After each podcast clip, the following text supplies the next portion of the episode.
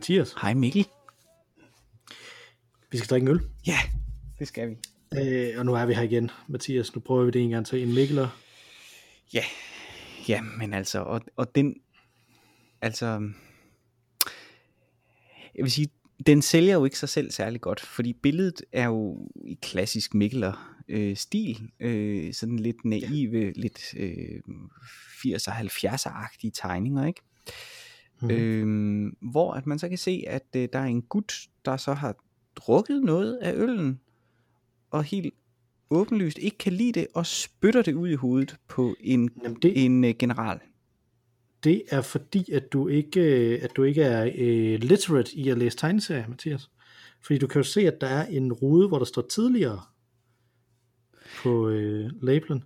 Så tidligere der har han pustet et, uh, et, uh, en uh, tyggegummiboble op, no, og det er den, der eksploderer. Det er det, det skal forestille.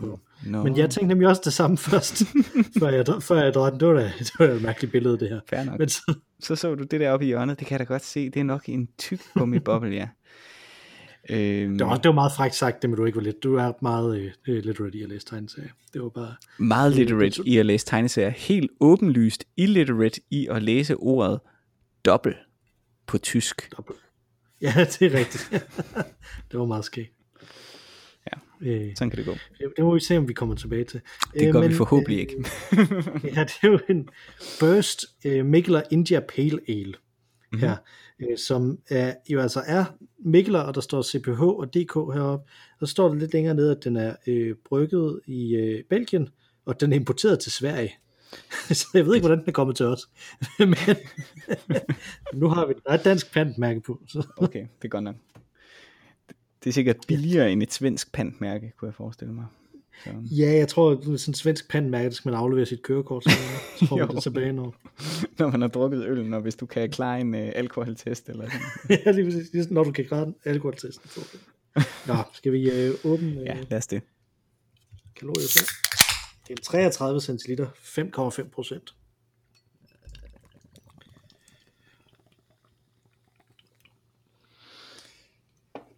Ja, og det er jo det tynde øl, kan man se. så ja, det er sådan en af dem der, der lidt ligner en juicy en, men det står der jo ikke udenpå, så det lover jo ikke godt, når der så ikke engang Det lover ikke godt, men det ligner virkelig den der ananas øh, juice, mm. øh, vi drak på et tidspunkt. Det, det smager som sådan noget juicy IPA skum, det her. Uh, det er ikke godt. Mm. Det er så skal vi smage på druen? Ja, lad os det. Skål. Skål.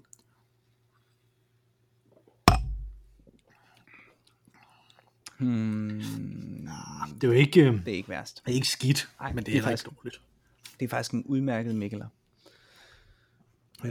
Jeg sagde, det er ikke skidt, men det er heller ikke dårligt. Jeg mener, det er ikke skidt, men det er heller ikke vildt godt. jeg, har, jeg har ordet i min magt i dag. Jeg er overhovedet ikke uh, super træt. Glimrende. Men... Ej, den er, den er udmærket. Jeg, jeg forstod, hvad du mente. Men øh, mm. det var måske også lidt en Freudian, fordi det er heller ikke godt. Nej, nej, nej, lige præcis. Altså, det er heller ikke... Øh, det, det er bare... Det er sådan en lidt kedelig IPA. Egentlig, ja. synes jeg. Ja. Jeg, jeg synes, det er utroligt, fordi at en, en af de første Mikkelerøl, vi drak, var jo den der øh, kaffe. Øh, ja. Morning Brew, eller sådan ja. noget hed den. Ja. Øh, ja, øh, ja. ja. så synes jeg godt nok, vi har været uheldige med dem, vi har købt. Så. Ja, det må man sige. Øh, det er de alle sammen har været via Sverige, og det er derfor. Mm, ja, og det bliver helt tyndet op med noget vand. Det her smager lidt som om, det er tyndet op med noget vand. Nej, men jeg tror måske, at det er lettere at lave noget, der er så mørkt, som en, øh, som øh, denne her stavtagtige øl var. Og få en, og få en, en fyldig smag, end at, end at forsøge at få en fyldig smag i noget, der er så øh, let som det her. Altså, der vil nok være ølfejnsmakere, som nu vil øh, ringe på næsen af os og sige, det er fordi, at vi ikke har særlig gode smagsløg, og at der er tusind fine nuancer, der danser derinde, øh, som vi så øh, ikke bedømmer, fordi det, ja, jeg ved det ikke. Det, det, var ikke, altså, det er ikke lige min øl. Men hvis man kigger på de forskellige af de øh, skuffende Mikkel og Øller, Øller, Mikkel og Øller, ja, det bliver man næsten nødt til at sige, kan man ikke? Jo. Som vi har som jeg, kendte, har jeg kendte engang en, der hed Mikkel Møller, i øvrigt. Nå, Mikkel og Øller. Så Ja. kunne. Præcis. Nå. Øh, så, så synes jeg jo, det, det, det er en meget god pointe. Altså, det er jo nogle, det er jo nogle forskellige smagsnuancer, de prøver at udforske. Bare i en, i en rækkevidde, som der ikke rigtig interesserer os to. Ja, og det er nok det. Øh, og det er også derfor, jeg mener, det er muligt, at der er øh, en, øh, nogle fejnsmækker derude, der vil, øh, ja, der kunne give os noget modspil i, øh, i den her diskussion. Men Ja, lad os lade det ligge, fordi også- så vigtig er den diskussion jo heller ikke. Altså, vi ville jo aldrig men- købe en Mikkel og øl, hvis det ikke var fordi, vi havde en ølpodcast. Ja, jeg har gjort det nogle gange i, øh, i lufthavnen, fordi de har den der Nå, øh, okay. i, øh, i Københavns Lufthavn. Der har jeg nogle gange købt sådan en øl, når jeg er kommet hjem. fra Hvad er et det så for en øl, du køber? i. Jamen, så er det en mørk øl. Ja, præcis. så er det jo det Er det ikke det, den jeg der jeg coffee jeg morning brew, eller hvad den hedder? Nej, det var en eller anden en, jeg kan ikke huske, hvad det var. Nå, sidst jeg var der, det, det var mange år siden efterhånden. øh, men jeg tænker, jeg tænker, at vi måske skal love hinanden, at næste gang vi køber en Mikkel øl, så skal det være en mørk øl, Ja, lad os sige det. for at det ligesom er, øh, er rimeligt. Lad. Øh, vi har, øh, nej, jeg bliver nødt til lige at fortælle, fordi vi nu snakker om Sverige øl. Mhm. Mm-hmm. Og så skal jeg lige sikre mig, jeg har fortalt dig, at øh, den eneste øh, fest, jeg nogensinde har været til i arbejdssammenhæng, hvor de løb tør for øl, var i Sverige. Mhm. Øh, og, og der var det jo så ligesom, om skal vi så gå ind til byen for den her fest? Nej. Øh, og hvor det så hvor det skal koste sådan 60-70 kroner for en øl derinde. Ej. Og hvad skal vi gøre? Men så var der jo heldigvis en øh, øh, finde, som der gik hen øh, til os, øh, stakkels danskere, som der ligesom han kunne sympatisere med os. Alle de andre var svenskere, så var den der finde, og så var der også danskere. Så kom han hen, og så trak han en lommelærke med minto vodka ud af, Uh, ud af sin øh, jakke og sagde, uh, perhaps this could be a plan. øh, så det var, det var en øh, hyggelig, øh, hyggelig aften. Fedt, fedt, fedt. Øh, vi øh, skal også selv øh, snart have en hyggelig aften, mm-hmm. øh, der er mig, fordi at nu har vi snart tre års jubilæum. Vi har faktisk på dato haft tre års jubilæum Ja. Men fordi vi har haft så mange øh, solo mm. Og andre ting, som der er skubbet til nummereringen, så nummereringen til, hvornår man har en øh, øh, normalt nummereret ja. øl og podcast hver uge i tre år, Ja. det er jo 156. Præcis. Og det er fordi, vi opererer med et kanon-system og et uden for kanon-system. Fuldstændig, og hvis man tjekker igennem, hvad for nogen, der er nummereret, hvad for nogen, der ikke er nummereret, så er jeg helt sikker på, at man vil kunne se, at der er et totalt system i det. Fuldstændig. Øh, og, øh, og det betyder, at det her det er jo episode 154. Ja.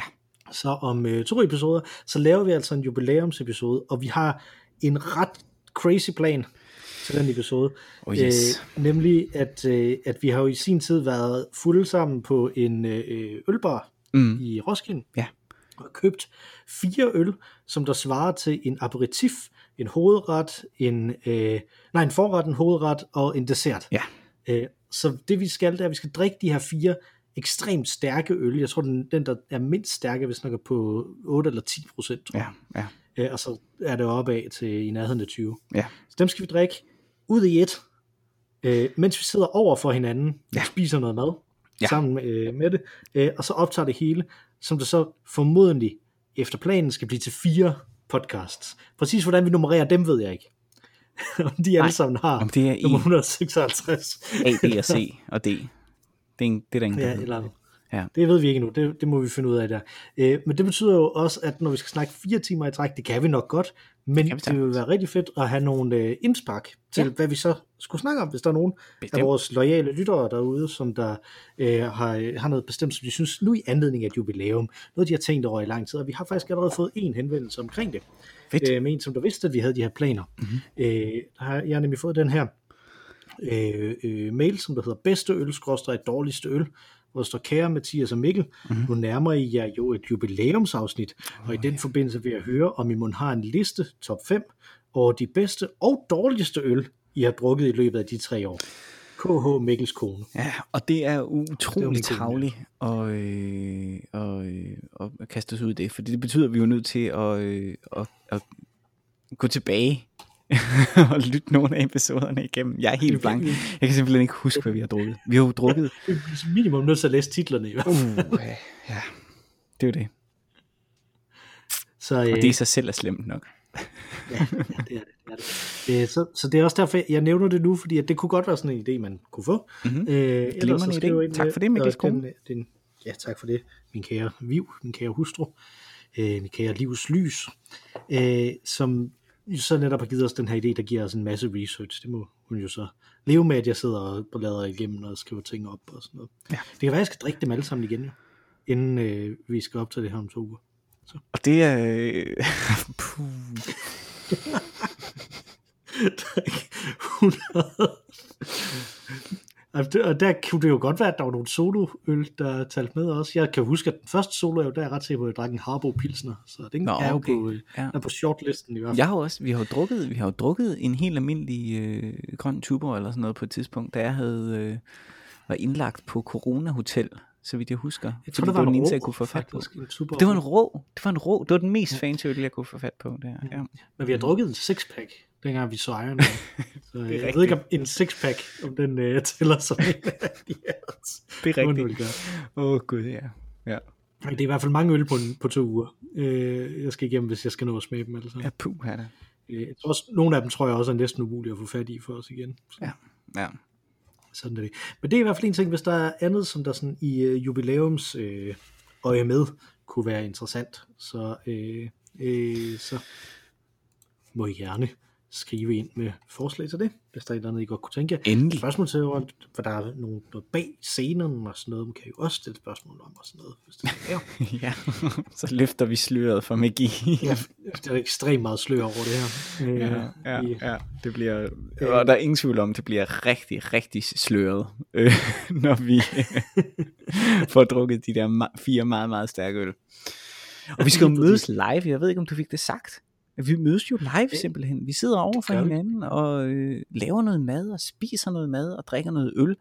Og det bliver total øh, studentikos på den fede måde, tror jeg. Det, er jo- det, er jo, øh, det er jo noget, vi faktisk ikke har gjort sammen, øh, sådan på den måde. Selvfølgelig øh, havde vi lige denne her afstikker i al hemmelighed, øh, hvor vi mødtes på en ølbar i Roskilde. Men ellers har vi jo ikke gjort det siden i hvert fald, øh, at du fik barn nummer to, tror jeg. Det tror jeg er rigtigt, øh, fordi når vi har når vi har endelig lavet noget live, der er mig sammen. Det tror jeg måske også var før jeg fik barn nummer to. Det kan godt være. Vi lavede, vi lavede en uh, Mar Rainey episode, kan jeg huske, øh, ja. Som var... Øh, Jeg kan simpelthen ikke huske, det før, øh, før min datter blev født. Nej, det kan jeg heller ikke. Det kan jeg heller ikke. Men, øh, men det bliver sådan lidt, som i gamle dage. Det bliver hyggeligt. Mathias, der crasher på sofaen. Mikkel, der står tidligt op og laver spejlæg. Nå, ja, okay, det skal jeg også have købt. Ja, for du kommer til Randers. Du øh, kommer det. til det mørke Kronjylland. Ja, så skal man have spejlæg. Yes, præcis. Nå, øh, men vi har fået nogle lytterhenvendelser, Ja, øh, til, som der jo selvfølgelig ikke handler om, om jubilæumsafsnittet, fordi det har vi jo ikke øh, øh, annonceret endnu, men det kan man så skrive om nu, hvis man vil. Men øh, du har jo fået en øh, fanmail, Jamen, det er jo dejligt. øh, Ja. specifikt dig, Mhm. mm-hmm. øh, for øh, soloævl, med det fantastiske emne, ad soloævl 7 dobbelt poppel bokkel. så, så vi, vi virkelig burde have kaldt den. øh, og det er øh, fra Henning, som vi jo tidligere har øh, skrevet med, du har specielt skrevet med ham om, Ja. ja. øh, om børnesangen Bro Bro Brille. Bro så? Brille, jo jo. Øh, Henning, som jo øh, skriver af og til på øh, Superkultur, og som jo altså øh, havde lavet en fremragende analyse af Bro Bro Brille i to afsnit. Det i sig selv var jo interessant, mm. at han lavede sådan en følgetong øh, analyse. Øh, må man sige. Mhm. Har du jo et Bro Bro Brille, apropos det, har du set, at der er den, øh, den der Netflix-serie, som der alle folk snakker om, Squid Game? Jeg har ikke set den. mm, jeg er spændt på, hvordan din sætning her vil ende. Apropos Bro Bro Brille, og så Squid. Jeg har ikke set Squid Game. Jeg ved, den er der, og jeg ved, at den har medført, at, at Korea ligesom har overtaget øh, denne her Nordic Noir-bølge, som strømmede gennem England for nogle, øh, nogle år siden, hvor alle skulle have islandske øh, svitre og sådan noget. Ikke? Øh, og nu, nu vil alle englænder være koreanere. Men Tror, tror du, at de så lærer koreansk? Ligesom jeg, jeg havde øh, hollændere. De, de har øh, som optaget, lærte hvad var det, dansk. 26 koreanske ord i øh, Oxford Dictionary. Så Okay. ja, ja. Ja, det er jo nærmest, det har jo ikke været større siden kolonitiden, den Nej. øh, import af Nej, asiatiske udtryk. Og nej, det er øh, vanvittigt. Så måske? Øh, det, det jeg vil sige, det var, at konceptet i den, øh, så vidt jeg har forstået, jeg har jo ikke set den, så vidt jeg har forstået, så konceptet i den, der er, at man, for at få, man kan ringe til sådan et telefonnummer, øh, for at melde sig til sådan en konkurrence, hvor man kan få strøget al sin gæld, eller sådan noget, Ja. tror jeg. Ja, det, Øh, og den konkurrence, det er så en masse dødelige udgaver af børneleje. Ja. Og der kom jeg straks til at tænke på Bro Bro Brille, da jeg hørte det. Fordi det er jo sådan, virkelig sådan en, som man kunne blive slået ihjel under. det må man sige. Øh, og, og vi, øh, jeg var hver, hvert år i øh, september, der er jeg jo til det, som vi kalder live weekend med mine forældre. Mhm. Øh, øh, hvor min bror og mig og øh, vores øh, koner og børn, og så mine forældre, som der er i sommerhus, fordi i gamle dage, der plejede vi at tage i sommerhus, og så plejede de at molestrere os totalt i Ludo og Turtle Pursuit og den slags. Øh, og nu kommer vi så derned, og så leger vi lidt fredeligere, men det sidder stadig sådan i os, mig og min bror, så øh, da vi skulle lave sækkeløb, så min bror han kastede sig hen over øh, mållinjen, sådan fuldstændig vanvittigt, øh, og rullede der. Og jeg gjorde det samme i Bro Bro Brille for at undgå at blive fanget. Øh. Og jeg tror faktisk måske, at jeg bøjede et ribben, Nej, fordi at i ret lang tid bagefter, så gjorde det ondt, når jeg træk vejret. Og så var jeg inde og læse om, hvordan der, der kunne være der, og det, og det Ej. lignede, at det var det. Ja. Men intet af det har noget af det med at gøre med, med det Henning han skriver. nej. Øh, Henning han skriver, hej Mathias, og han starter med en parentes, og det, man må respektere en mand, der starter med en parentes. Øh, jeg orker ikke alt det plader, man skal igennem, for at kunne kommentere på podcasts på i ved hos SoundCloud, så du får kommentaren her. Tak. Det er vi meget glade for, Henning. Mm. Vi vil meget hellere have den på mail. Øh, som Rune T. Kitte skrev, øl er øl, hvilket naturligvis er noget vrøvl, men i det min kommentar til Soloævel 7, 7 ikke handler om øl, kan vi lade den stå der. Jeg vil da godt lige gøre opmærksom på, at den med ølsmagning i løbet af podcasts, den har de også over på læsten, men det ved I vist forresten ikke sandt, udopstegn. Det var nærmest sådan en, øh, øh, nu skal I godt nok også anerkende, at det er et andet sted. Ja. Øh, jeg, tror ikke, jeg tror ikke, vi er de første, der har tænkt på det, det vil jeg i hvert fald godt sige. Øh, Nej, på den måde. men det kommer fungerer. det som, det øh, godt. Man skal ikke... øh, Ja, ja. Man må gerne dele som øh, om øh, alkohol. Ja, jeg synes også, der er et eller andet, altså man kan sige, den der er speciel ved os, det er jo, at vi, øh, Er utrolig Vi- dårligt produceret. vi er utroligt dårligt produceret. Det er, det er for, eksempel, det er mig, der producerer det. Åh, oh, Øh, ej, undskyld. Ja, den, ja. jeg skulle lige have dig til at have dårligt samvittighed. ja. Men du har jo ret. Manden har jo ret. ja man. Øh, men det, nej, det jeg vil sige, det var, det der er specielt ved os, det er, at vi prøver jo at lave det som om, at, at det bare er os to, der ringer sammen. Ja. Jeg kan godt lide tanken om folk, som der rent faktisk ringer sammen, og så lige åbner den, den synkroniseret den samme øl også. Og jeg vil sige, Der er, hvis, lidt, der er ikke hvis, så den meget her, dokumentar over hvis det. denne her podcast engang ikke længere findes, så skal vi gøre det, Mikkel. Så skal vi aftale et tidspunkt hver uge, hvor vi køber en i den, altså vi køber en øl, og så, øh, og så åbner vi den og drikker den sammen, mens vi taler i telefon. Det skal ikke være et eller andet fancy øh, Mm. øh, Zoom eller sådan et eller andet. Det skal være telefon. Ja. Ja. Ja, det tænker jeg også. Vi kan jo ikke se hinanden, mens vi laver det her. Nej. Eller vi har ikke sådan en video ting, øh, i det. Vi gør det bare med lyd. Nå, øh, Henning fortsætter, øh, og det var det, der egentlig var øh, det, som jeg ville frem til her. Mhm. Han øh, siger, i forhold til det rumlige, det sceniske, det dramaturgiske, så findes der et eller andet sted på nettet en mulighed for at gå på virtuel opdagelse i Pi- Piranesi Carteri d'Inventione, og her kan man også forvisse sig om, at der optræder flere MCS'eriske umuligheder i det arkitektoniske, skulle man ikke have spottet dem i forvejen. I forhold til det litterære, så har Sam J. Lundvald skrevet romanen Fængselstarten, hvis sceniske rum er Pianesis imaginære fængsler. Den roman findes, så vidt jeg ved, kun på svensk, hvilket er en skam, og byder måske således på en udfordring.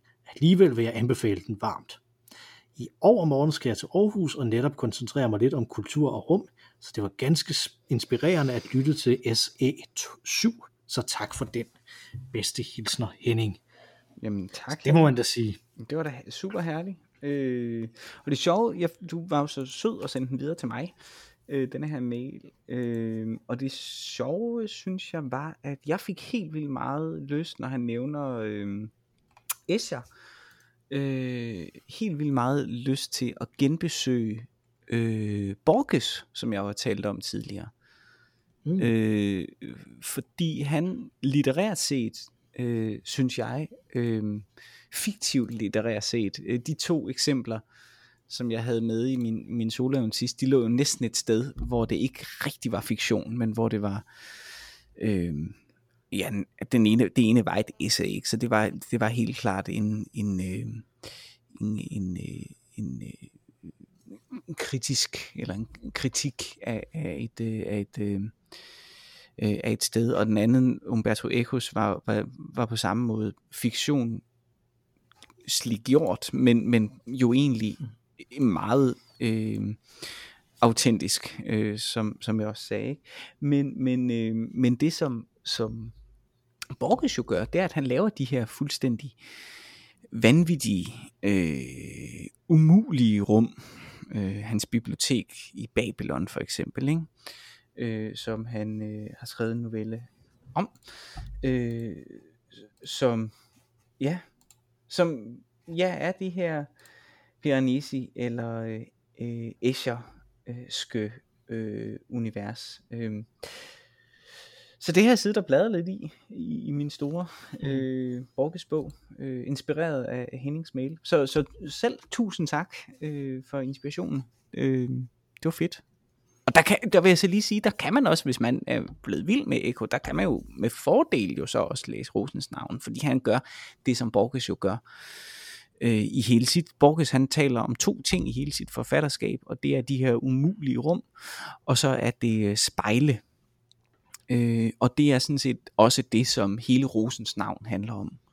Øh, en, hmm. øh, en labyrint øh, og spejle. Er øh, Rosens navn Borges fanfiction? Det er utroligt tæt på. Altså helt mm. oprigtigt, hvis, hvis der er to ord, synes jeg, man skulle se. Jeg har ikke læst alt Borges, men jeg har en bog, som hedder Borges samlet, så, ja, som jeg har læst. Så jeg tænker, jeg må være alligevel rimelig tæt på. Øhm, Kommer på, hvad det er. Borges samlede hvad? Borges samlede fiktioner, tror jeg den hedder. Den hedder Fiktioner og andre fiktioner, og hans samlede fiktioner. Øh, så så, så det, det, det, det må være ret tæt. Det kunne være hotelregninger. ja, det er selvfølgelig rigtigt. Men øh, og jeg synes, hvis der er to ting, to motiver, der ligesom går igen, ikke, så er det labyrinter og spejle. Og det er mm. præcis det, som Rosens navn jo handler om. Det er jo en stor labyrint, der er fyldt med spejle, som forvirrer. ja, så det er jo virkelig en videreudvikling. Det er det her og det her. Lige præcis. I et koncept, samlet et, ja. Så, men tak, Super Mario øh, skide øh, interessant. Jeg kender ikke Lungvald, eller Lungvald hedder han, øh, mm. eller Lundwall, øh, men jeg tænker, når den øh, findes på svensk, så er hun måske svensker, det ved jeg ikke, men fængselsstaden, den øh, vil jeg da prøve at se, om jeg kan få fat i. Det lyder mm. spændende. Det gør det. Tak for mailen, Henning. Vi har en anden lytterhenvendelse her, som øh, har den øh, ikke kryptiske overskrift feedback på episode 152 og 153. Uh. Og her står kære Mathias og Mikkel. Jeg vil gerne gøre klart, at jeg ikke har en holdning til Stenbrugge Bryn. Jeg vil også indrømme, at jeg formulerede mig intentionelt kryptisk. Kan du gætte, hvem det er, der skriver mailen, Mathias? Jimmy Kaspersen? Ja, det er nemlig rigtigt.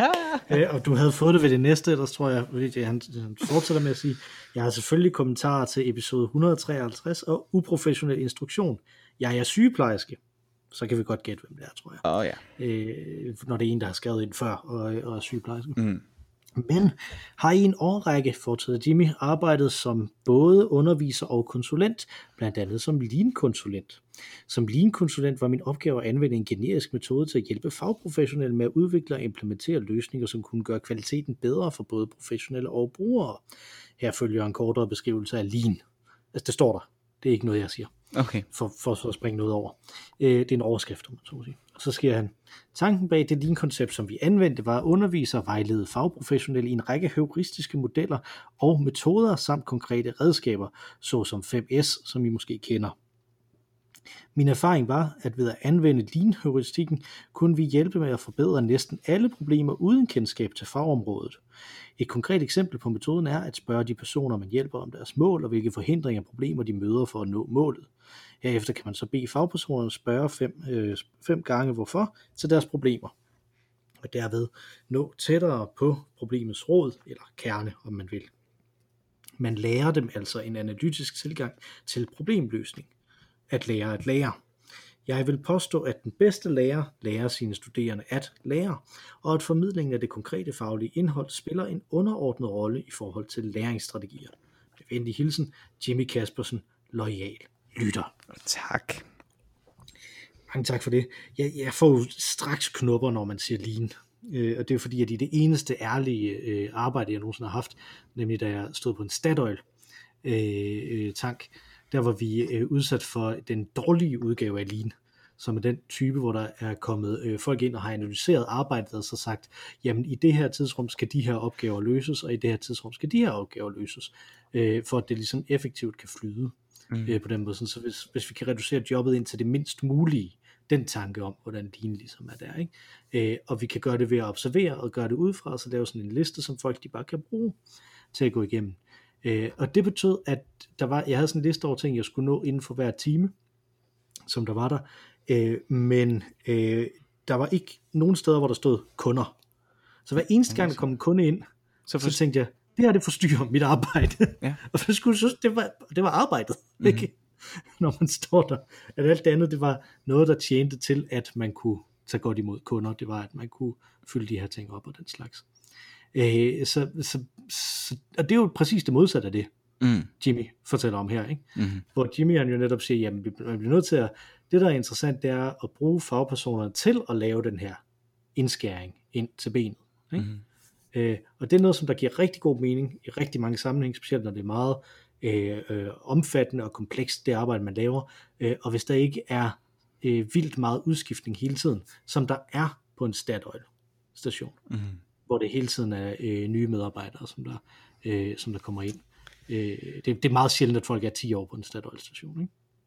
Jo, men jeg tror, jeg tror, jeg, altså jeg tænker umiddelbart, at det netop er det, at der er fagpersoner, der kan oversætte det, lean-eksperten måtte sige, til noget øh, konkret problemløsning, der er mhm. nøglen. Og der er der nok nogle fag, hvor at der ikke er en sådan ekspert. For eksempel på en tankstation. Tænker jeg, mhm. at der er ret få, som er øh, virkelig eksperter ud i at stå på en tankstation. Som rent faktisk gør det. Der er nok nogen, der ja, rejser rundt og lærer nogen op, men, men de har måske ikke selv gjort det, er min fordom. Men jeg vil så sige omvendt, for noget tid siden var jeg på en McDonald's, hvor at øh, der var en øh, der var en kunde, som tror jeg var i gang med et eller andet øh, scam, hvor han forsøgte at få nogle penge tilbage for en burger. Han havde åbenbart købt for 200 kroner burger, og det kunne de ikke se, de havde registreret, han ville have penge tilbage og sådan noget. Og så endte med, at manageren kom mm. ud, øh, som var en ret, øh, eller ret ung, relativt ung kvinde, øh, yngre end mig, øh, med totalt meget ben i næsen, som virkelig var ekspert i at drive den der øh, butik, kunne man mærke. Øh, og der er måske mm. ikke så lang forskel på at være den, der er manager på McDonald's. Men jeg ved ikke, om der er en manager på en tankstation. Jamen det er der, men manageren på en McDonald's er der jo. Det, det, manageren det, de på, er på on the floor. Er der ikke. Ja, fordi det var hun jo. Altså hun ja. kunne jo hentes ud, og så gik, gå ind og tage øh, de der øh, svære ting, ikke? Og øh, og vil kunne sige, nu skal køkkenet arbejde hurtigt, eller nu, skal, nu kan du godt gå hjem, fordi nu øh, sker der ikke mere i aften. Og, sådan noget. og det ved jeg ikke om. Min, min fornemmelse med, lige præcis med tankstationer, det er, at folk står der lidt selv klokken to om natten. Ja, det gjorde jeg meget af tiden. Ja. Og åbnede selv nogle gange også. Ja. Øh, fordi jeg jo netop, jeg havde den øh, dubiøse øh, distinction, at jeg var over 18 jo. Så, jeg, så, så var jeg automatisk mere kompetent til sådan nogle ting ja. øh, og var bedre til, hvis der var nogen, der forsøgte at røve noget eller sådan noget. Det var der dog ikke. Så, øh, jeg tror den største, det største problem, som jeg havde, udover at jeg ikke rigtig havde tid til kunderne, det var når det var lønningsdag, og folk de så kom og ville betale med 1000 kroner sedler. Mm. Det synes jeg var virkelig underligt, øh, eller træls også, fordi at, så skulle jeg, så skulle jeg nemlig, den eneste ting, som sådan, man kunne få stress af, det var at åbne pengeskabet. Mm. Øh, fordi at selvfølgelig, så der ligger der jo masser af penge, ikke? og der skulle jeg så ned, hvis jeg skulle have, sådan så jeg kunne veksle, for, øh, veksle en 1000 kroner til. Nå, men, øh, men hvad, hvad siger du til den her, øh, den bedste lærer lærer sine studerende at lære? Øh, jamen, altså, det er da spot on, synes jeg. Mhm. Øh,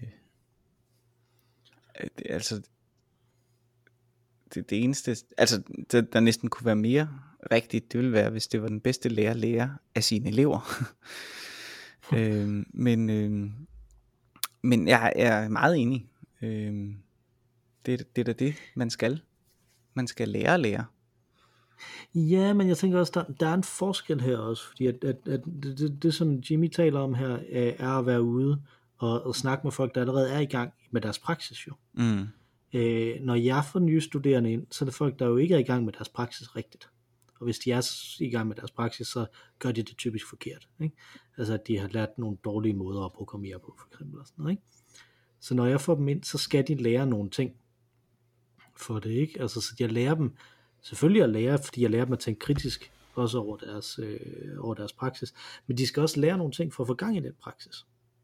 Øh, som det typisk er nogle af mine kolleger, der lærer dem, ikke? Altså sådan noget med, hvordan man netop programmerer, hvordan man sætter noget op og, og går i gang med at lave noget, ikke? Altså, men men der, der er noget her, synes jeg, med at der der er nogle ting, hvor ja, det er rigtigt, at som, øh, som Jimmy siger, det faglige indhold spiller en underordnet rolle i forhold til læringsstrategier. Det er jeg ret meget med på i nogle afdelinger af det, men i nogle andre afdelinger, der, der betyder det faktisk ret meget, at man ved, hvad det er, man, man skal gøre, fordi at det kun er, når man så er i gang med at gøre det, at, øh, øh, at de, øh, at det ligesom dur. I... Ja. Og, og sådan tror jeg, det er i alle fag. Altså jeg vil jo nødig have en læge for eksempel, som ikke havde styr på anatomi. Altså der, er- der er også visse ting, der er ren og sker udenadslære. Ikke? Øh, og der skal man ikke lære at lære, men der kan man jo forhåbentlig stimulere til øh, lysten til at lære. Ikke? Øh, det var en ting, der provokerede mig enormt meget på universitetet. Det var de undervisere, der sagde, øh, jamen I skal også bare læse ved siden af. Altså hvis vi følte, at undervisningen ikke var fyldesgørende nok, ikke? jamen det er jo jeres egen opgave, mm. det er jo selvstudie. Hvor at de gode undervisere, det var nogen, som så sluttede øh, undervisningen af med at fremhæve en masse øvrige øh, eksempler, eller en masse øvrig litteratur, man kunne dykke ned i. Ikke? Altså, øh, så man faktisk blev stimuleret til at, øh, øh, at, at gå videre. Ikke? Altså underviser der så at sige, sluttede af med et spørgsmålstegn, i stedet for at slutte af med et punktum. Øh, det synes jeg var interessant. Og jeg ved godt, det var også ekstremt blød humanisme, som jeg læste. Øh, og der er andre ting, andre uddannelser, som, som, som er mere øh, facit orienteret og skal være det, fordi at det kan være altafgørende for uddannelsen. Ikke? Men, men ikke desto mindre, så Jamen, jeg, er sgu, jeg er sgu meget enig. Jeg tror godt, man kan finde, hvis uddannelsen har ressourcer til, at underviseren kan se den enkelte elevs eller studerendes individuelle behov. Hvis du havde, ressourcer til det på din uddannelse, så tror jeg også, du vil gøre det, vil du ikke? Altså stimulere den enkelte til sådan, jamen, hvordan kan du blive bedre? Hvordan kan, hvordan kan, hvordan kan, vi, hvordan kan vi sammen løfte dig? Ikke? Er det ikke det, som jeg Jo, hørte Jimmy sige? sige? Jo, men, men jo, jo, det kan, jo, jo, den kan jeg også godt se, men, men min pointe er her, ikke? Altså, hvis vi skal blive det her øh, humanistiske værk, som vi jo Mhm. laver med, så synes jeg jo, det, det der kommer tættest på det her, det er at skrive opgaver. Mhm. Og man skriver øh, eksamensopgaver på, øh, på humaniora. Nu ved jeg ikke, hvordan det var for, for dig, men det fik jeg aldrig nogensinde en introduktion til fra universitetet. Nej, det, det gjorde jeg heller ikke. Der skulle jeg bare gøre det. Ja, ja. Altså, øh, og der vil jeg jo så sige, at, at, det, jo, at det ligesom er her, at, at man kan gå ind og så sige, jamen, det kan du nok i virkeligheden ikke. Altså, øh, min første opgave var da fuldstændig øh, horribelt rædderlig på alle de der universitet-tekniske måder. Ja. Med, hvordan laver man en ordentlig litteraturliste, hvordan laver man ordentlige henvisninger. Til det. Hvad for nogle ting skal citeres og hives frem? Hvad for nogle ting kan man bare henvise til? Øh, hvordan laver man egentlig litteraturafsøgning og sådan nogle ting? Mm. Og det lærte jeg da aldrig nogensinde af universitetet. Jeg lærte det af andre studerende, Mm. Ikke? Mm. som der selv havde lært det af andre studerende. Mm. Øh, på den måde. Og det synes jeg jo er der, øh, man kan gøre øh, man kan gøre noget, ikke? Altså at, hvor, i forhold til at sige, jamen, jamen her er der rent faktisk et fagligt indhold, som de burde hjælpe en op på et niveau, sådan, så man kan komme i gang med en praksis, hvor man så kan bruge den kritiske tænkning, man i øvrigt lærer andre Men, steder. men sådan er det jo, ja, men, men det er jo sjovt, fordi sådan, sådan tror jeg, det er med al læring faktisk. Altså, hvis du starter med at gå til klaver, for eksempel, ikke, så, så vil du lære, hvad tonerne hedder. Så vil du lære nogle skalaer og sådan noget. Og så efter en rigtig, rigtig pæn portion tid, vil du begynde at se, gud, jeg spiller en sang. Det samme med et sprog. Du vil lære en masse regler og en masse øh, løse ord, men lige pludselig kan du danne et sprog, som du så kan jonglere med. Øh, selvfølgelig er du nødt til at have det der basale, øh, og det lærte jeg heller ikke. Men, men hvis man kan... Mm, jeg ved ikke, hvordan man kan gøre det. Jeg er sådan set enig med, jeg er sådan set enig med dig. Selvfølgelig er man nødt til at lære nogle basale ting, men, men man skal hen til der, hvor at gulderoden, om, hvor det bliver lejende, hvor det bliver um, interessant, øh, mm. hvor den er tydelig. Ikke? Øh, det er for lang tid siden, øh, at jeg har lært noget sko- skolet øh, til, at jeg kan sige, øh, fremdrage et, et godt eksempel. Det tror jeg ikke, jeg kan.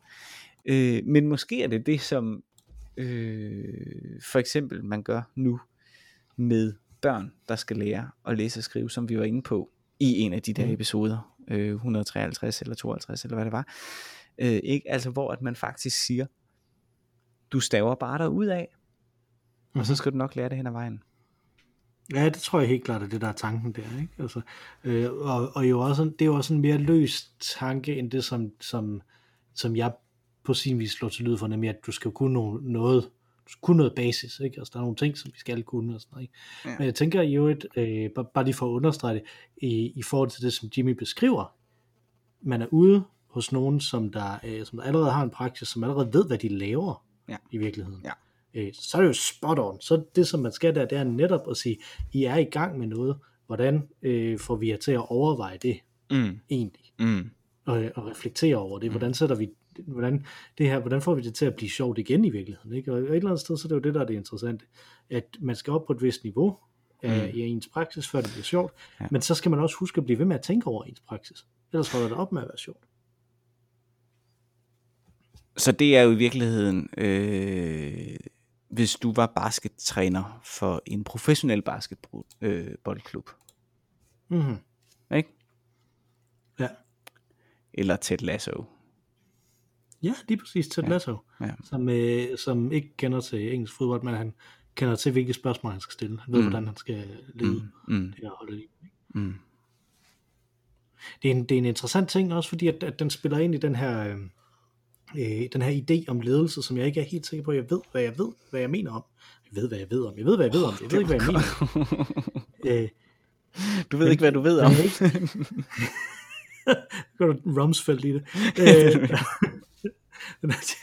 så jeg ikke er sikker på, at jeg ved, hvad jeg mener om, men ideen om, at hvis du er leder, så er det en faglighed i sig selv, og så kan du lede hvem som helst. Ja, Øh, det er jeg ikke helt sikker på er rigtigt. det er jeg heller ikke sikker på. Men jeg vil sige,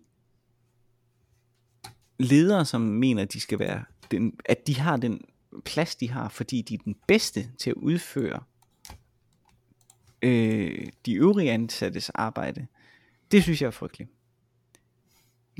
Ja. Ledere, Enig. ledere sk- øh, skal være de bedste ledere, men jeg tror, det er en gave for alle ledere, hvis der er nogen, der er bedre end dem til at udføre selve arbejdet. Jamen det tror jeg, du har ret i. Der, det, det der bare, det, jeg tror heller ikke, det nødvendigvis har så meget at gøre med, hvad lederen kan i forhold til det her med, om, om han kender, eller hun kender øh, domænet, ikke? Altså, Mm. øh, altså kend, kend, kender til arbejdet. Det tror jeg egentlig ikke er så meget. Det, det er mere et spørgsmål at kunne sætte sig i respekt. Mm. Øh, det har jeg i hvert fald set øh, nogle steder øh, rundt omkring i undervisningssektoren, at der er nogle undervisere, som der simpelthen bare ikke vil ledes mm. af nogen, som der mm. ikke ved noget om det her fagområde, som mm. de arbejder med. Mm. Øh, altså, og det er specielt, når vi er inden for netop de her tekniske og IT-mæssige ting. Jeg vil så også sige, jeg har ikke, jeg har ikke oplevet, jeg har oplevet ledere, som ikke havde nogen øh, specifik faglig kunde inden for mit fag, altså fag, fag, nogen teaterfaglighed, øh, som er fejlet, og jeg har oplevet ledere, som, er, som ikke har haft nogen forudgående teaterfaglig faglighed, som er lykkedes. Dem, der er lykkedes, det var også nogen, som var svampe i forhold til mm. øh, videngenerering, som bare dykkede ned, og så lærte de det. Øh, øh, der var en, øh, et, et stort dansk teater for nogle år siden, som ansat en direktør, som ikke havde nogen teaterfaglig baggrund.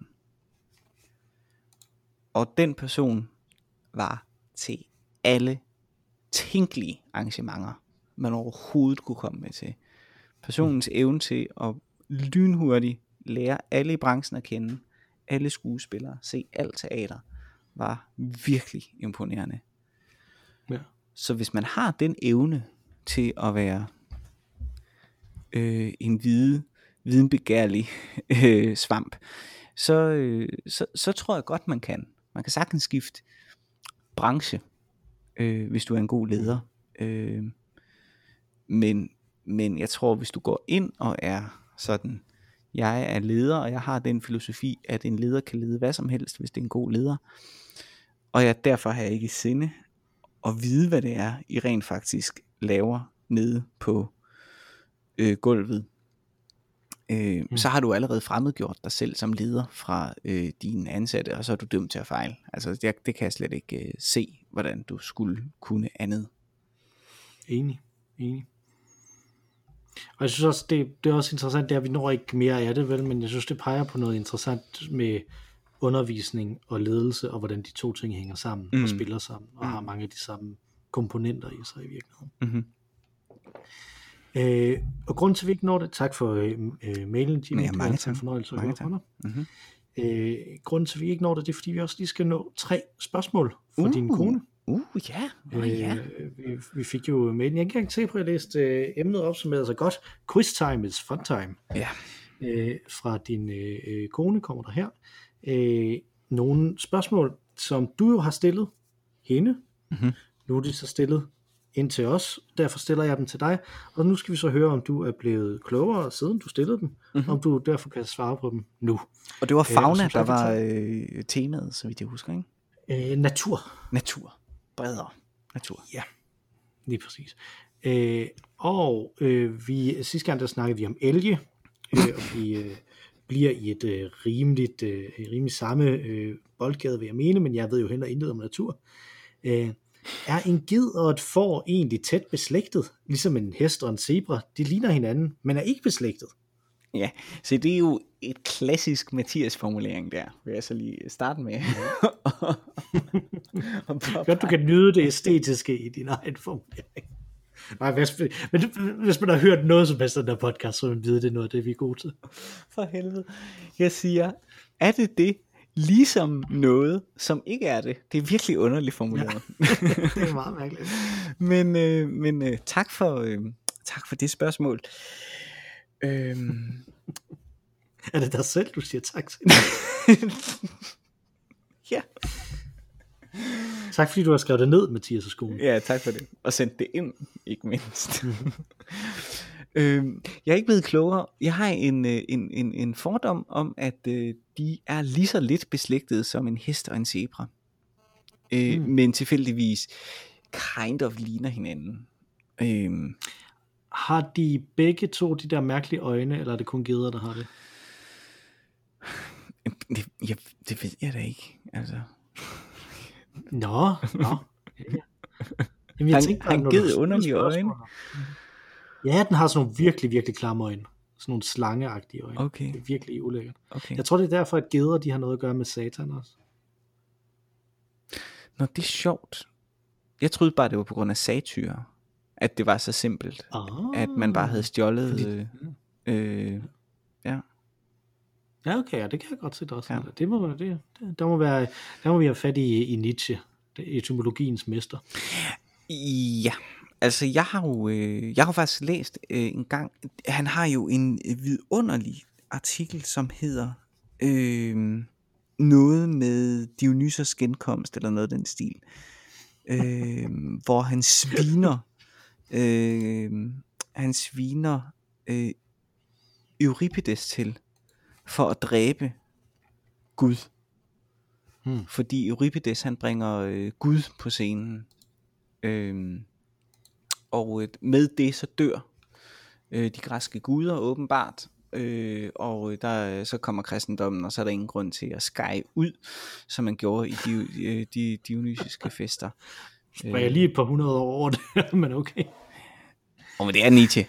øh, Ja, det er det. Men øh, Det ja. er ikke præcision, der er hans øh, Nej, største. det er ikke hans stærke, det er ikke hans stærke side.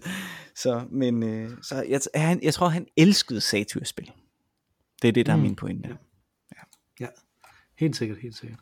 Øh, bum, bum. Jeg ved det ikke, men jeg ved, at vi, min, øh, en anden ting, som vi lavede til den der live weekend med mine forældre, det var, at vi spillede Sorte Per. Mhm. Øh, og i det Sorte Per spil, som de havde, der er der et får og en ged. Øh, som er sådan nogle af de der, man skal have sådan to ens, ikke? Mm. Øh, der. Øh, og, og de ligner hinanden så meget, at øh, det faktisk er svært for børn at, at kende forskel på dem. Ja. Øh, så man kan sige, du er ikke den eneste, der overvejer det. Men Øh, bliver i- Noah har kendt forskelle, sandsynligvis. Jamen, Der må have været geder og får. Ikke? Altså, det er mere et spørgsmål, om de, om de var beslægtet. Jamen det er de jo ikke. Det er de da ikke. Er de, det? Er de ikke jeg bare ikke. tilfældigvis klovdyr, og så er de nogenlunde samme størrelse, og så har hannerne horn? Ja, altså, de er jo selvfølgelig beslægtet på nogen måde, men de vil ikke, øh, altså, de er ikke, altså, de vil ikke få børn sammen, for eksempel. Det er det. Nej, men det kan, det kan æsler og øh, heste jo heller ikke, selvom de er beslægtet. Altså det kan mennesker og aber jo heller ikke. Ja. Nej, nej, og heste og zebraer kan heller ikke, og de er heller ikke beslægtet. Nej, men de er nemlig overhovedet ikke beslægtet. Altså de, de, de er overhovedet, overhovedet ikke beslægtet. De er bare to dyr, Nej, der zebra tilfældigvis... har noget med en tapir at gøre, ikke? Lige præcis. Det er bare to dyr, der tilfældigvis ligner hinanden ret meget. Kan, kan zebra og en tapir få børn? Det ved jeg ikke, men det er et godt spørgsmål. det vil jeg gå hjem Ja, og det- spørge min kone om. Det op, ja, lige præcis. Det synes jeg var en god idé. Spørg din kone om det. Øh, vi skal nå jo to spørgsmål mere, Yes. inden øh, øh, timen er over. Så, Mhm. mm-hmm. hvad, var, hvad var for, før de blev tamme? Men det har du jo svaret på, de var jo satyr. De var satyrer, ja. Det var det. Og før det var de Det må de vel. satan selv. Øh, jamen det er jo et, det er et godt spørgsmål. Præcis. Det er jo et skide godt spørgsmål. Øh, jeg har aldrig set et vilde får. Jeg ved ikke, om der findes vilde får. Ja. ja, et vildfor. Ja, fordi du har ret, fordi der findes jo vildsvin, og der findes ulve. Der findes øh, ulve, der findes vilde øh, heste. vilde heste. Jeg aner ikke, om der findes vilde får. Og hvad var tror det det? geder? Jamen det er det. Det er jo sådan Om, min, om min får det t- t- til geder? domestikerede geder. Det tror jeg ikke. tror det heller ikke. Ligesom katte. Katte er jo en helt, altså en helt, der findes jo heller ikke vilde katte. Det er jo det katte, der er løbet hjemmefra og sådan noget, ikke? Men, men det, er jo, det er jo sådan små, øh, altså historisk set små katte, altså sådan noget, jeg ved ikke, hvad sådan nogle hedder. Øh, men altså sådan små, virkelig rovdyr, som så med tiden hen over årtusinder er blevet til dem, som vi kender som katte, ikke? Og dem, der er vildkatte, det er bare ting, der er stukket væk, ikke? Jeg er stukket af. Ja. Om, om, om geder oprindeligt er, er urforet. I don't know, men det vil da være vildt. Og fedt, hvis det var en urbuk. også. En urbuk, ja. Hvad for, for, et, et vredt vildt får, det lyder rimelig skræmmende faktisk, synes jeg, Ja. ja. får med røde øjne. Ja. Men, men, men hvis det nu var geder, når de så bliver tæmmet, så vender deres øjne sig om, så de bliver normale, Øh, ja, I guess. ja. Det er ligesom i Rosemary's Baby. Nej, det hedder den ikke. Den hedder Exorcisten. Ek, eksorcisten så bare øjnene i stedet for hovedet. Præcis. ja, præcis. Præcis, ja. øh, sidste spørgsmål. Hvordan kan det være, at nogle dyr som hunde kun har menstruation en gang om året, mens mennesker har lidt hele tiden? Jeg ved ikke, om mennesker har det lidt hele tiden. Den, de har det oftere end en gang om året, typisk. Pst, pst, pst, siger det hele tiden. Øh, ja, Shakespeare vil synes, det var meget frygteligt. øh, har du selv svar? Nej, det har jeg ikke et svar på. Jeg aner det ikke. Øh, jamen, er det ikke et spørgsmål om, hvor lang tid de er øh, gravide bagefter? Tænker jeg. Men det kan da godt være. Altså, øh, mennesker skal være gravide ekstremt lang tid i forhold til øh, hunde og, og rigtig mange andre dyr. Så derfor så er det vigtigt, at de kan blive gravide på flere forskellige tidspunkter, Mm. mm. øh, hvis de er et flokdyr også. Mm. Sådan så alle hunderne ikke er gravide på samme tid, fordi så vil de være det i enormt lang tid. Det kan også være det, fordi at mennesker føder primært øh, i øh, en af gangen, og, øh, og hunde føder i, øh, i kul. Øh, så det gør ikke så meget, at der er nogen, der går tabt hen ad vejen. Så mennesket kan blive gravid lynhurtigt igen.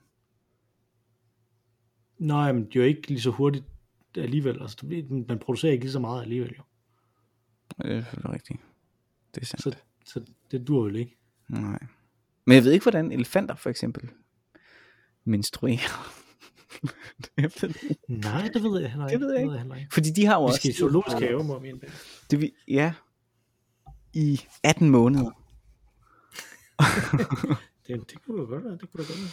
Jeg ved det ikke. Det, må, altså, det, er vel, det er vel sådan noget med, at, at altså, mennesker, mennesker er jo ikke helt færdige, når de kommer ud heller. Altså, Nej, det er de nemlig ikke. Babyer. Nej, det er det nemlig ikke. Øh, Det er ret og, og i, ligesom, altså hunde er vel heller ikke, fordi de kan ikke se noget i starten, men der går sådan få timer, så kan de se noget og sådan noget, ikke? Altså det går, det går ret hurtigt Ja. med, med de fleste andre dyr, men med mennesker, der er de jo hjælpeløse i mange år.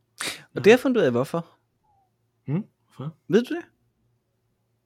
Øh, er det noget, har noget med arvesynd at gøre? Nej, nej, det har det ikke. Øh, men øh, en, en teori er, eller den, den ledende teori er, at, at oprindeligt, altså balancegangen er hele tiden, øh, hvor lang tid et menneske øh, skal, være- eller et, et væsen øh, skal tage om at være øh, øh, hvor lang tid der skal gå, før et, et væsen er færdigudviklet, øh, i forhold til, hvor, hvor, hvor lang tid det kan være øh, øh, kop, eller hvad hedder det? Øh, altså Hvalp. valp. Ja. Øh, fordi valpestadiet har visse fordele. Øh, de spiser ikke så meget og sådan noget, ikke? Øh, Mhm. Men det skal også gerne relativt hurtigt kunne skaffe øh, føde til sig selv. Og så man vurderer, det er sådan en, en øh, evolutionsmæssig, et evolutionsmæssigt kompromis, at mennesket kommer ud tidligere, end det egentlig er færdig. Og derfor kan mennesket ingenting overhovedet. Øh, I virkeligheden så vurderer man, at mennesket sådan tilbage i tiden, historisk set, altså her taler vi måske, I don't know, to millioner år siden, øh, var 12 måneder om at være øh, i maven. Og derfor taler man også om et fjerde trimester. Rent faktisk. Fjerde trimester, det virker dumt. Ja. Og det første er efter 12 måneder, at mennesket sådan set er færdig udviklet. Problemet, det, det, det, det, er ret, det, er ret, det er ret stenet det her, ikke? fordi problemet er, hvis mennesket, babyen, skulle være inde i maven frem til fjerde trimester, så vil det kræve, at hofterne var længere spredt fra hinanden, og det vil gøre, at mennesket evolutionært ikke kunne have udviklet sig, kvindekroppen evolutionært ikke kunne have udviklet sig til at gå. Okay. Så de var nødt til at være smallere, og det betød, at så var man nødt til at føde tidligere. Ja. Er teorien. Så mennesket har smallere øh, hofter end aber, øh, men vores hjerne er først ligesom færdigudviklet, øh, eller den er den jo først langt op i 20'erne, ikke? Men, men vi er egentlig først... Hvis man er mand. Vi er, ja, det er rigtigt. Vi er egentlig først øh, fødemodne efter cirka et år, ikke? Mm. Er teorien. Det er super interessant. Ja, det er. Men jeg ved ikke hvorfor, at, øh, at hunde har løbetid så ofte. Eller de har det kun én gang om året. Hvorfor mennesker har løbetid så ofte, det ved jeg ikke. Ja, der er hele, hele tiden jo. Hele I lang tid. Især mænd. Men ja, ja, det må man sige. Ja, vi har menstruation hele tiden. Hele tiden. Øh, det drøber hele tiden. Vi skal jo bare ikke fortælle det til nogen. Nej. Det, er, det er vores lille hemmelighed. Øh, kan vi nå at høre en, upro- en uproduktiv ting? Du har et minut. Øh, ja, det kan du tro, øh, fordi øh, den er ganske hurtig. Den er faktisk ikke fra denne her uge, fra sidste uge til gengæld, hvor jeg jo havde en, øh, øh, en soloævel, men jeg vil alligevel tage den med. I sidste uge var jeg i teater. Det var super dejligt Nå. at øh, få øh, en, øh, ja, hvad hedder sådan noget, intellektuel og æstetisk øh, sjæleguf ind. Det er øh, virkelig rart, når det man har været væk fra det lang tid, så at, at, at lave sådan noget, der stimulerer ens øh, ja, sjæleliv lidt. Ja. Så hvis man har mulighed for det, gør det. Det kunne også være, at man vil skal til en koncert eller et eller andet. Skal du i teateret? Nej, jeg skal jo gå i teateret. Ja, eller gå i teateret for pokker. Ja. Oplev kultur. Eller et eller andet. eller et eller andet. Øh, jeg skriver øh, til gengæld for mig selv, skriver jeg, øh, at jeg vil anbefale noget, som jeg kun har set første afsnit af, men jeg synes, det var ret godt. Alle har jo Disney+, Plus, de skal jo følge med i alle Marvel-serierne. Øh, så øh, gå ind og se også den serie, der hedder Only Murders in the Building, øh, Mm, som øh, handler om tre folk, der bor i den samme øh, øh, lejlighedskompleks i øh, New York, øh, og som der øh, ved et tilfælde finder ud af, at de alle sammen hører den samme øh, true crime podcast om mor øh, og så beslutter sig for, at de begynder at opklare et mor, som der sker i deres bygning. Men de er ikke alle sammen rent mel i posen. Så den, øh, den vil jeg anbefale, selvom jeg kun har set det første afsnit. Den er yderst lækker at se på. Fint skrevet indtil videre. Ikke sådan overvældende godt, men fint. Øh, og godt, rigtig godt spillet. Så øh, den vil jeg anbefale, Fedt. at man går ind og Ja. bruger sin øh, tid på. Har du fået drukket din øl, Mathias? Det har jeg. Den var glimrende. Ja, det har jeg også. Den fungerer fint til at væde ganen. Meget frisk på den måde. Mm. Og lige den sidste dråbe, inden jeg kan sige, at vi hedder Øl og Ævl. Man kan skrive til os med forslag til vores jubilæumsafsnit, hvad vi skal snakke om der, på olugavl.gmail.com eller tweete til os på snabelag olugavl.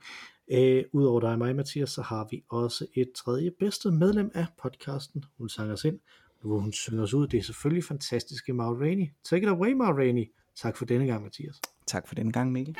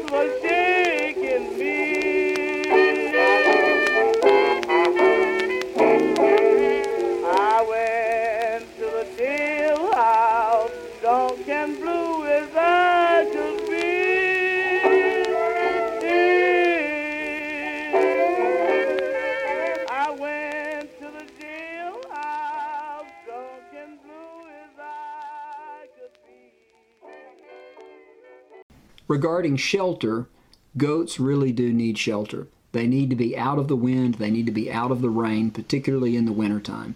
And you can tell that they need it because as soon as it starts to sprinkle, they'll run for the barn. Sheep, on the other hand, stay out in the elements most of the time.